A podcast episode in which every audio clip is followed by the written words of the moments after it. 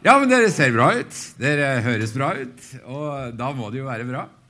Du, det er eh, et privilegium å få lov å komme her og, og dele noen eh, ja, noen sannheter og noen ord og noen tanker og noen refleksjoner med en sånn fantastisk gjeng som dette.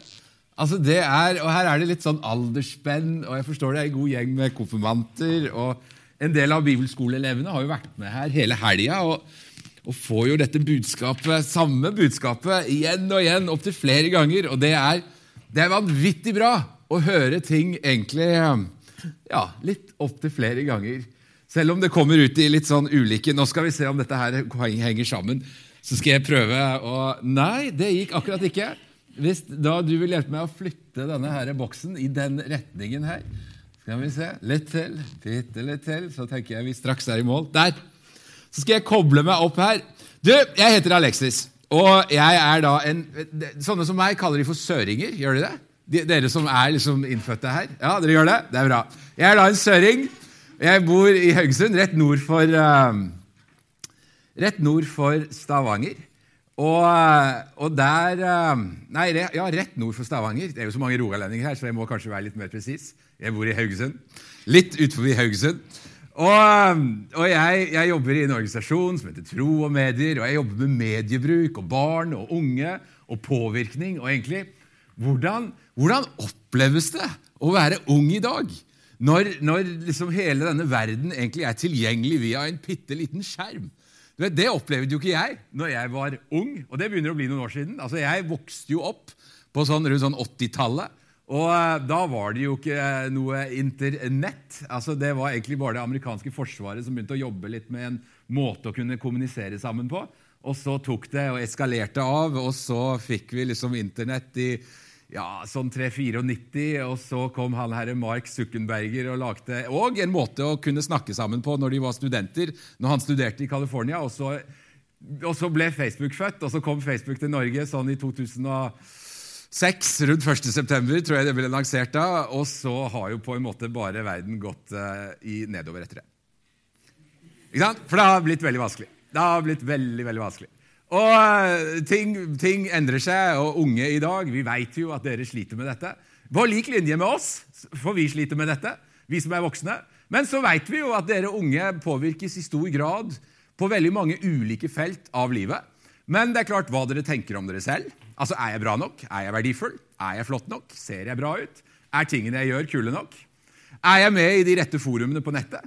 Altså, det er klart, Og det endrer seg hele tida. Det er utrolig vanskelig for oss voksne å klare å henge med på dette. her. Det er faktisk umulig å vite hva dere egentlig holder på med. Men jeg skal røpe en hemmelighet til deg som er ung her, og som eh, er konfirmantalder. Jeg vet for mye til å være så gammel. Det er iallfall sant. Fordi at jeg jobber med dette. Og jeg, jeg, har rett og slett, jeg, har, jeg, vet for mye hva som rører seg i Roblox eller hva som rører seg på TikTok, eller hva i all verden er det som skjer på alle disse ulike plattformene som dere hopper Jeg vet ikke om dere Løper dere fra de voksne? Fordi at de voksne, altså Vi voksne vi er på Facebook. Ikke sant? Gode, gamle, tradisjonelle Facebook. Den er enkel å forholde seg til.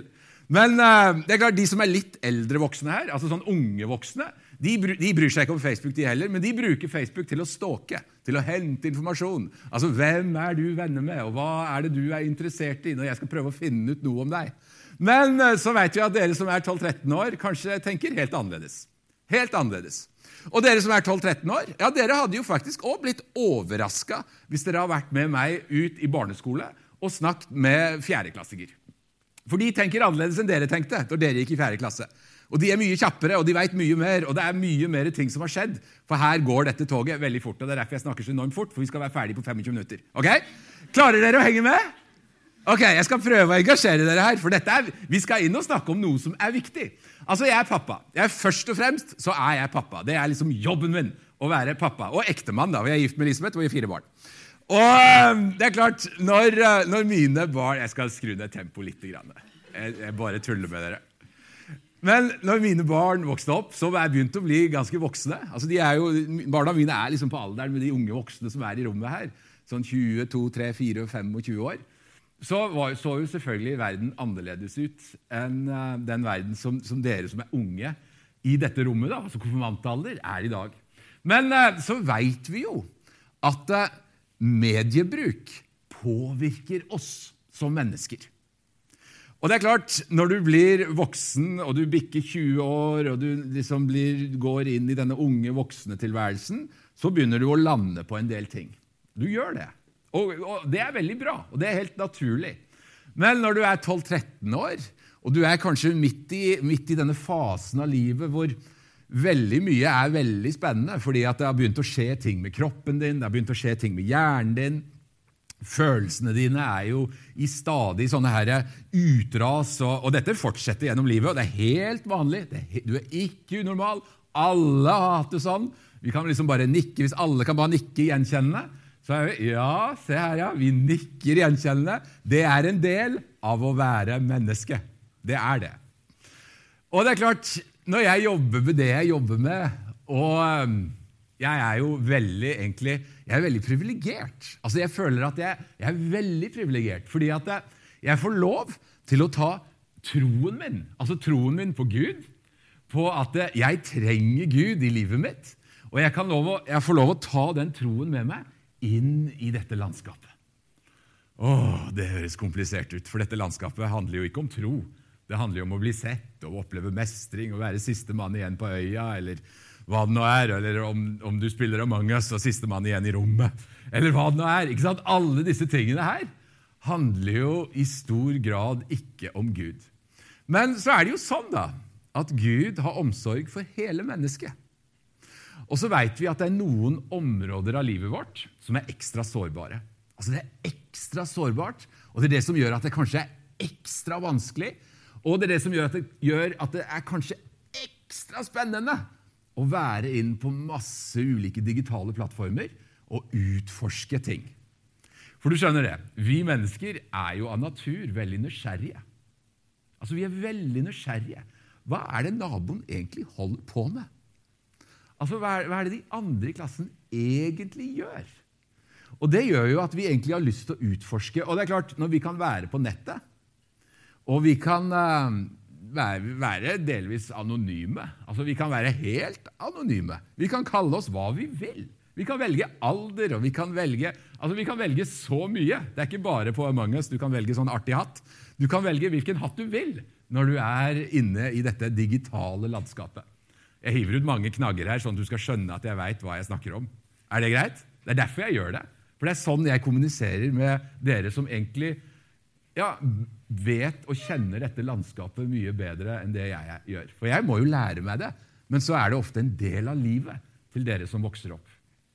Men um, det er klart, det, er noen elementer her da, som er ekstra sårbare. Og, og det er klart, hvis vi, hvis, vi, hvis vi, tar et sånt bilde som dette, som jeg, jeg, løfter opp masse ulike ting altså Finnes det en bedre historie? Det, selvfølgelig, det finnes en bedre historie. Vi har allerede hørt den gode historien. Altså Ester som har en far som driver Evjetun og har flytta til Bygland. Altså Hun Det, var, det syns jeg er glimrende når vi får vite litt om folk. Altså Det er, det er kjempebra. Men det er klart, hun løfta jo fram en fantastisk historie. Gjentatte ganger. Så den fins. Men så veit vi jo at det er klart, dette her landskapet her, som består av strømmetjenester, eh, måter å tenke på, ting som kan være skremmende, ting som kan være spennende, ting som handler om seksualitet, ting som handler om pornografi, YouTube og youtubere og sosiale medier og alle disse her ulike tingene, ja, da går jo jeg inn på et område som egentlig er litt sånn å, utfordrende å snakke om. Seksualiteten vår den er, liksom, den er ganske utfordrende å snakke om, men det er utrolig spennende da, når vi faktisk først begynner å prate om det. Og så er det jo litt sånn Hvis dette landskapet her er det som egentlig skal gjøre at vi skal lære noe om dette som ja, jeg tror Gud har gitt oss. Altså, Gud har jo skapt oss med denne, denne edgen i livet, hvor vi har lyst til å utforske, hvor ting er spennende. Og seksualiteten vår er jo selvfølgelig en del av dette som Gud har skapt. Men da er spørsmålet mitt hvordan skal vi kunne ta vare på det? Vi skal se en liten reklamefilm. Jeg er ikke så veldig glad i reklame. Jeg pleier å kjøpe meg ut av reklame. Men nå skal vi faktisk se på reklame.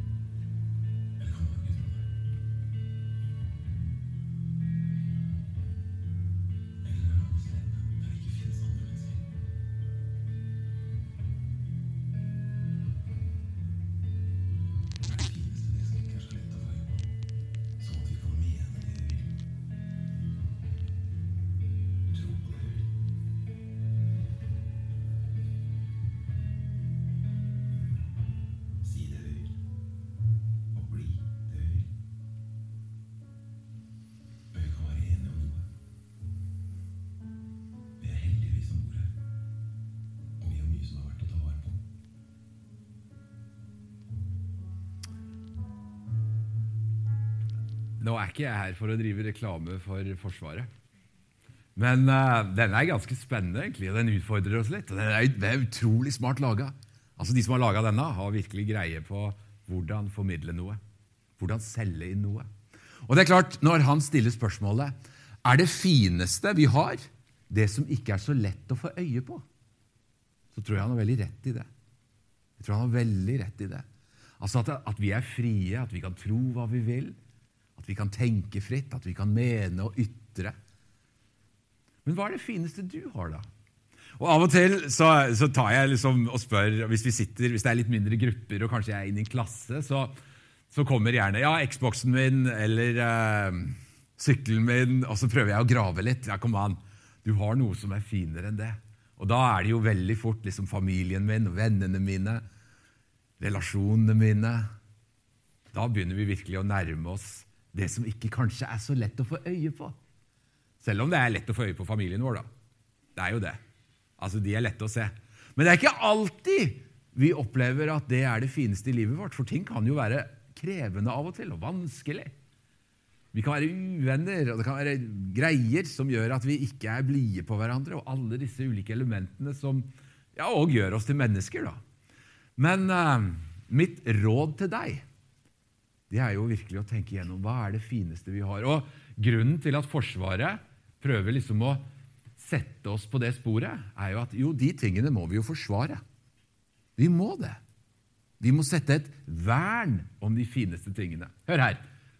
Seksualiteten til mennesket, det er virkelig flott. Det er det. Det er noe Gud har skapt i oss som kvinner og som menn. Som gutter og jenter. Han har gitt oss den gaven. Og det er klart, da tenker jo jeg at hvordan skal vi kunne ta vare på det? Hvordan skal vi faktisk forsvare at dette er verdt å ta vare på?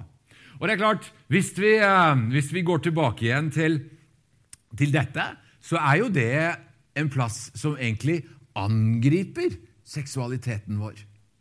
Og grensene våre, måten vi snakker på, måten vi tenker på, og måten vi forholder oss til kroppen vår. Fordi Her snakker vi jo veldig mye om kroppen vår, og måten vi snakker om seksualiteten. Og det er klart, Hvis vi skal gå litt inn i hva er det Gud ønsker Altså, Når Gud har gitt oss denne her nysgjerrigheten, og Gud har gitt oss denne kroppen vår, hva er det Gud faktisk ønsker for oss når det kommer til seksualiteten vår? Og Da er det jo sånn, da, da må vi jo faktisk snakke om det. Fordi at han, Gud, Gud, er jo ikke liksom en sånn tilfeldighetens gud som bare finner på ting og gir oss noe som skal plage oss eller irritere oss eller være vanskelig for oss. Nei, nei. Han har gitt oss noe for at vi skal kunne ta vare på det. Og det er klart, Når du går inn i dette landskapet her, og du gjerne lar både humor, språk i gaming altså Der vet jeg det er masse greier som handler om seksualitet. Altså måten å snakke til andre på, på med en sånn seksuell undertone, hvor en gjerne sier krenkende ting til andre mennesker. Og jeg veit jo at i gamingspråk så er det jo et enorm utfordring at veldig mange gutter, særlig gutter, altså dette er det statistikk og tall på, bruker en form for språk som er veldig krenkende overfor jenter. Eller for mødrene til jentene. Jeg sitter jo av og til med ungdommer og observerer, bare for å lære. For å observere. Hva er det som skjer her? Hvordan snakkes det? Og det er klart, Alt dette her handler jo om Oi, det påvirker jo selvfølgelig tankene.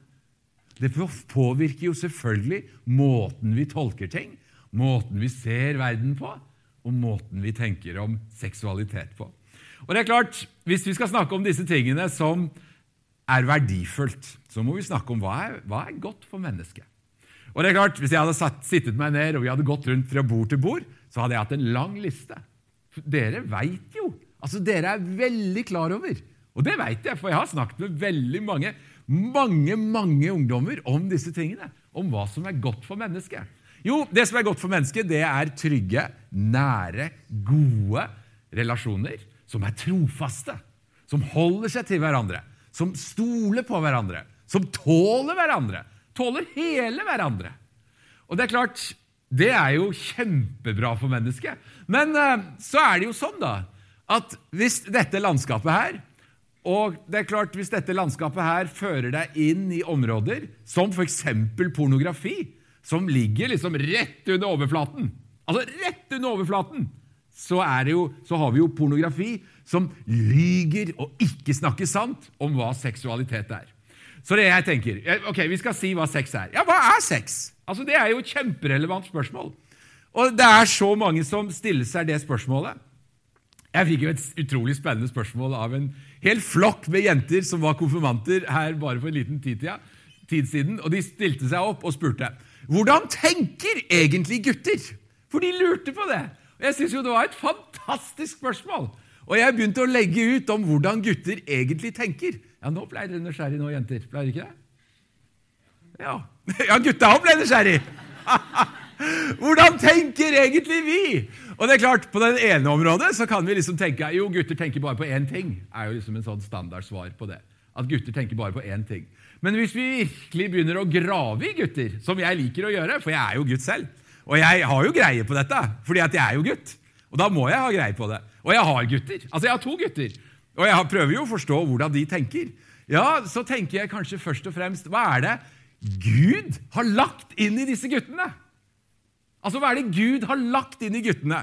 Da er kanskje spørsmålet mitt. Ok, Hvorfor får gutter breie skuldre? Altså, Se her, se disse gutta her. Flotte kare, ungdommer, breie skulder. Hvorfor er det sånn? Ikke sant? Hvorfor er det sånn? Har det noe med hvordan de tenker? At jeg tenker at det skal bli sånn? Eller har det noe med, med hva de er?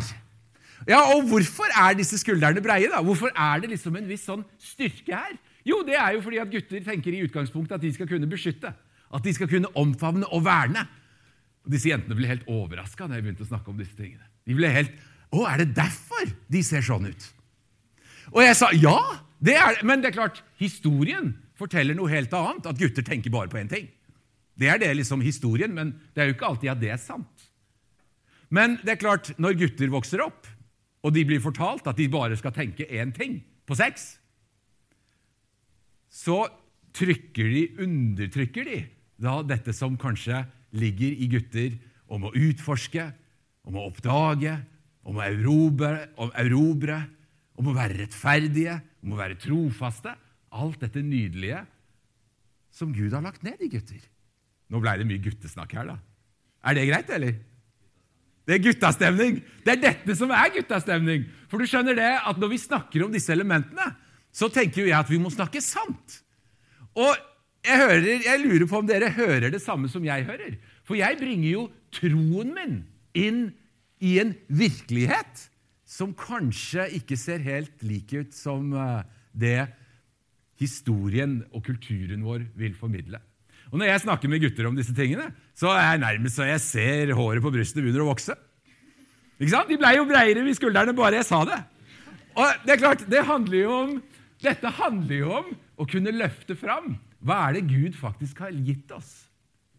Hva er det Gud faktisk har gitt oss? Og han har gitt dere og utrolig mye greier, da, jenter.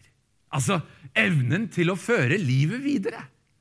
Altså, Det er klart, det er jo helt ufattelig at det er en egenskap dere har. Og det er klart, Jeg har jo fire, fire jenter veldig tett på livet mitt. Jeg er gift med en. Og så har jeg to døtre, og så har jeg en svigerdatter. Og det er, det er, fire jenter som er liksom veldig nær hjertet mitt. Og det er klart, Når jeg tenker hvilke fellestrekk de har, så er det veldig mange fordi de er jenter. Og det er klart, her må vi virkelig snakke om ja, hva er sex, og hvordan skal vi sette det inn i en rett kontekst? Altså, sex det er jo absolutt i, uh, i utgangspunktet en tilknytning. Altså Hvis noen har fortalt deg noe annet, så er ikke det sant.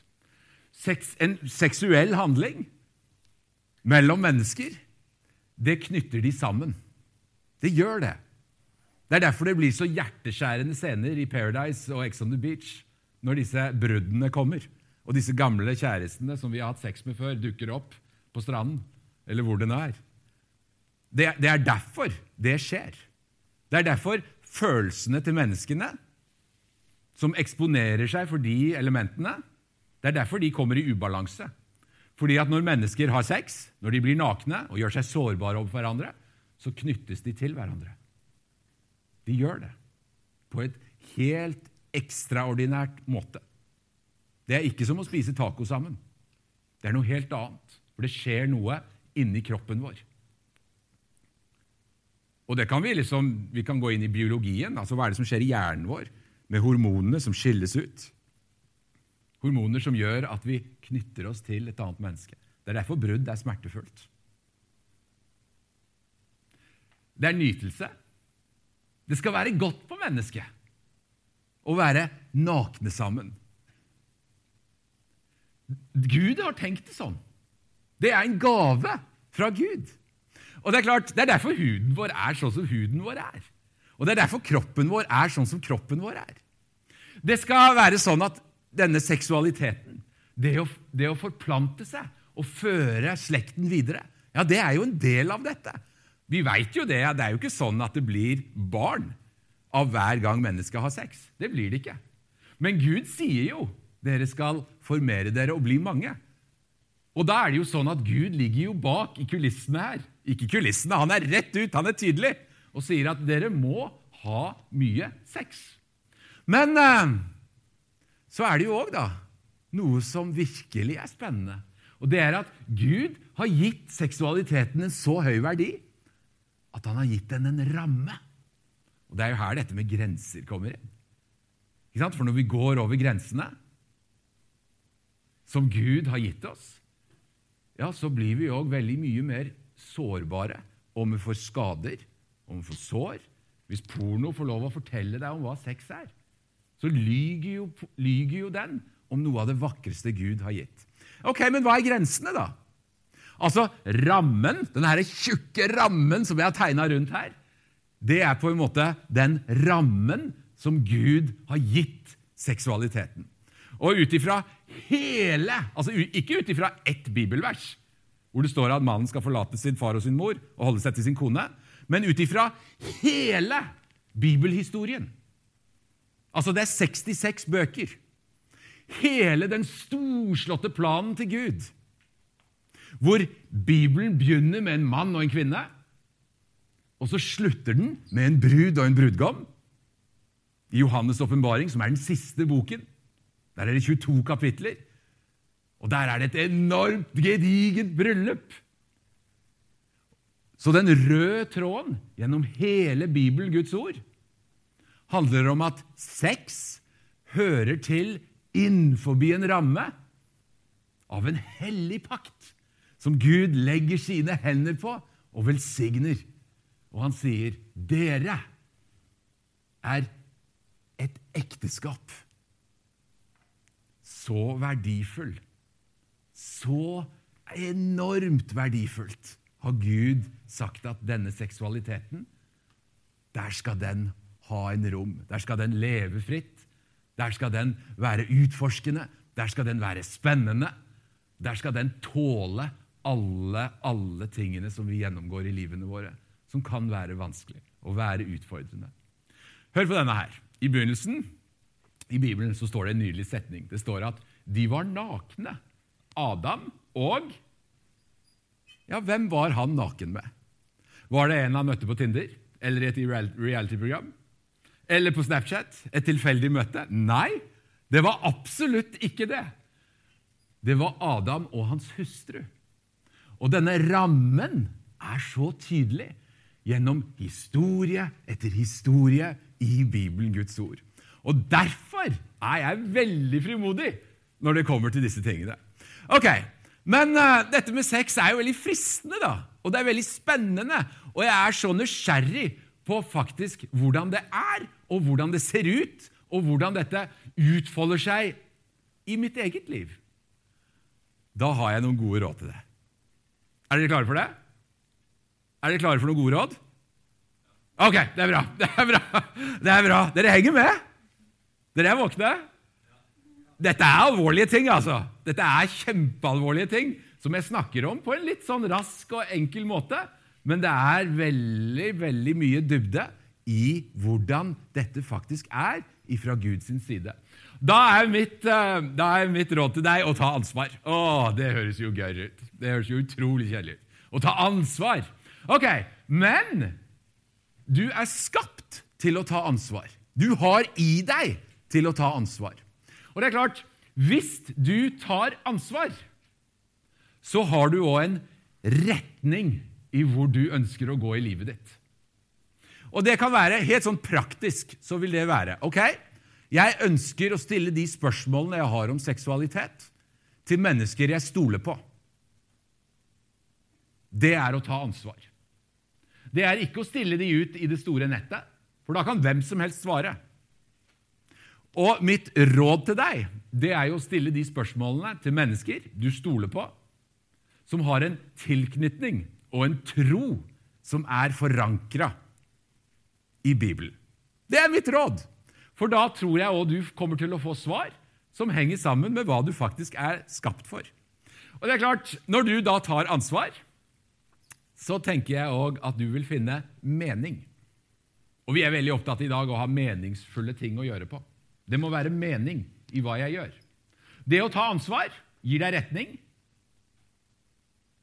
og da vil du òg finne mening. Fordi at det å ha en meningsløs tilnærming til dette som handler om seksualitet, det er ikke å ta ansvar.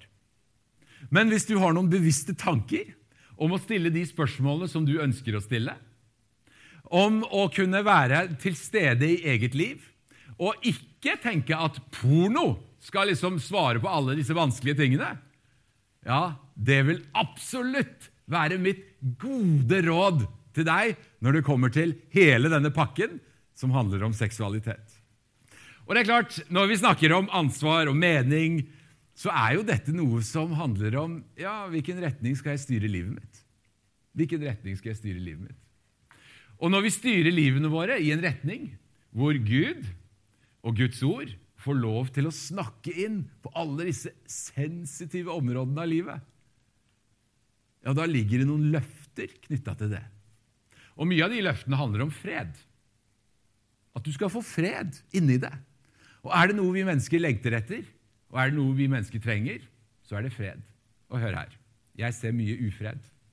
Jeg ser veldig mye ufred når det kommer til spørsmål rundt seksualitet, når det kommer til spørsmål rundt egen kropp, når det kommer til spørsmål hvordan er dette for meg, og hvordan bør jeg håndtere dette i eget liv. Og Det er klart, det er, jo, det er jo så mange ulike ting som vi kunne prata om. Vi skal gå litt sånn kjapt fram her. om... Um, ja, Fins det en bedre historie? Selvfølgelig gjør det det. Og den gode historien om, om kjærlighet ble vi jo presentert ganske tidlig i møtet i dag av Ester, som har en far som driver Bygland. Nå kommer, nå kommer det hver gang. Og det er klart, det er jo, det er jo noe som uh, er viktig å løfte fram. da. Det er jo den gode historien. Men vi kan jo liksom plukke litt i den gode historien. For det er klart, porno, som påvirker samfunnet, hjernen, hjertet og relasjonen til Gud, det er jo egentlig ganske, ganske greit å snakke om. For det gjør det. Vi veit det gjør det. Men når vi begynner å snakke om den eh, gode historien, så er jo ting egentlig enda mer spennende. Hvor vi kanskje kan gå inn i et sånt landskap som ser sånn ut, som jo er et, et spill. Et ganske sånn destruktivt og mørkt område. Men så kan vi ta noen av disse versene som eh, Ester løfta fram. Ester som har en far som driver Bygland. Det er bare Unnskyld, Ester. Ikke sant? Som, eh, så kan vi løfte fram disse her eh, historiene og begynne å plukke litt i Korinterbrevet, som ble lest av Ester. Som Ok. Jeg skal ikke tulle med det. Altså, hun sa jo at kjærlighet er tålmodig. Altså, Kjærlighet kan vente, og det betyr sex kan vente. For det er jo ikke sånn at alltid kjærlighet og sex henger sammen. Nei, nei, for all del. For all del så er det ikke alltid at det henger sammen. Men det må henge sammen ut ifra hvor verdifull sex er. Men det må være innenfor den rammen da, som jeg har prata om, som Gud ønsker, som gir beskyttelse, som gir et vern, som gir det en høy verdi. Og det er klart, Kjærlighet som, som vil deg godt, altså kjærlighet er velvillig. Det er jo viktig å ta med seg. Og det er klart kjærlighet som gleder seg over sannhet. Åh, Det er jo så utrolig bra når vi mennesker snakker sant om disse tingene. Og Jeg sitter jo i mange prater og har masse samtaler med både unge og eldre mennesker. Og så er det akkurat som når de kommer inn og skal ha disse samtalene, så er det liksom Å, det er så vanskelig å snakke sant om dette. Men når du først snakker sant, da er det en eller annen glede. Altså Da er det, som, det er et eller annet som fryder seg over at da faktisk snakker vi sant. Og så har vi selvfølgelig dette med at kjærlighet virkelig tåler noe. Dette er jo elementer og egenskaper som kjærlighet har. Altså, kjærlighet utholder alt. Det er utrolig greier. Ja, men livet mitt har jo gått i oppløsning. Foreldrene mine har gått fra hverandre. Ja, det er en del av den realiteten og virkeligheten som mange unge opplever. Men det betyr ikke at kjærlighet ikke tåler, og at ikke tror og ikke håper. For du skjønner, håp det er jo noe vi mennesker aldri må slippe tak i, uansett hvordan omstendighetene våre er. Hva vi påfører oss selv, eller blir påført av andre. Og det er klart, Når vi da tar disse ulike elementene som eh, jeg har løfta litt opp Og jeg har jo snakka som en foss til dere da i 30 minutter omtrent. Og vi skal gå inn for landing. Er det greit? Er vi klar for det? Ok, vi gjør det. Men da har jeg lyst til å gjøre et lite eksperiment med dere. Og min utfordring med dette eksperimentet, det er jo å spørre deg, der du sitter Hva ser du på skjermen? Hva ser du?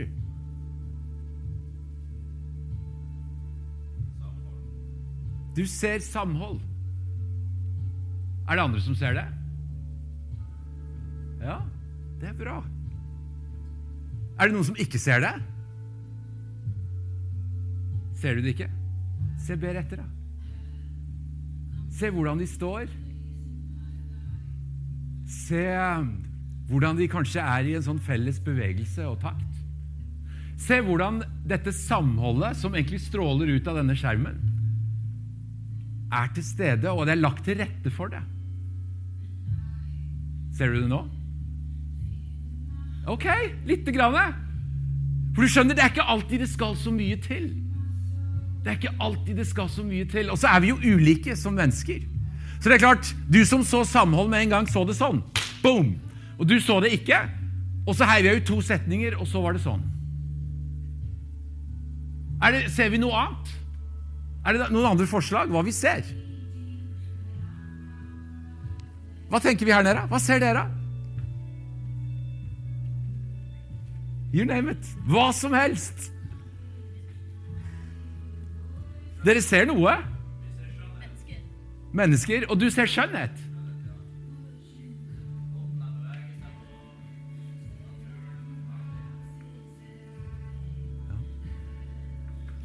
Du ser skjønnhet, du ser mennesker.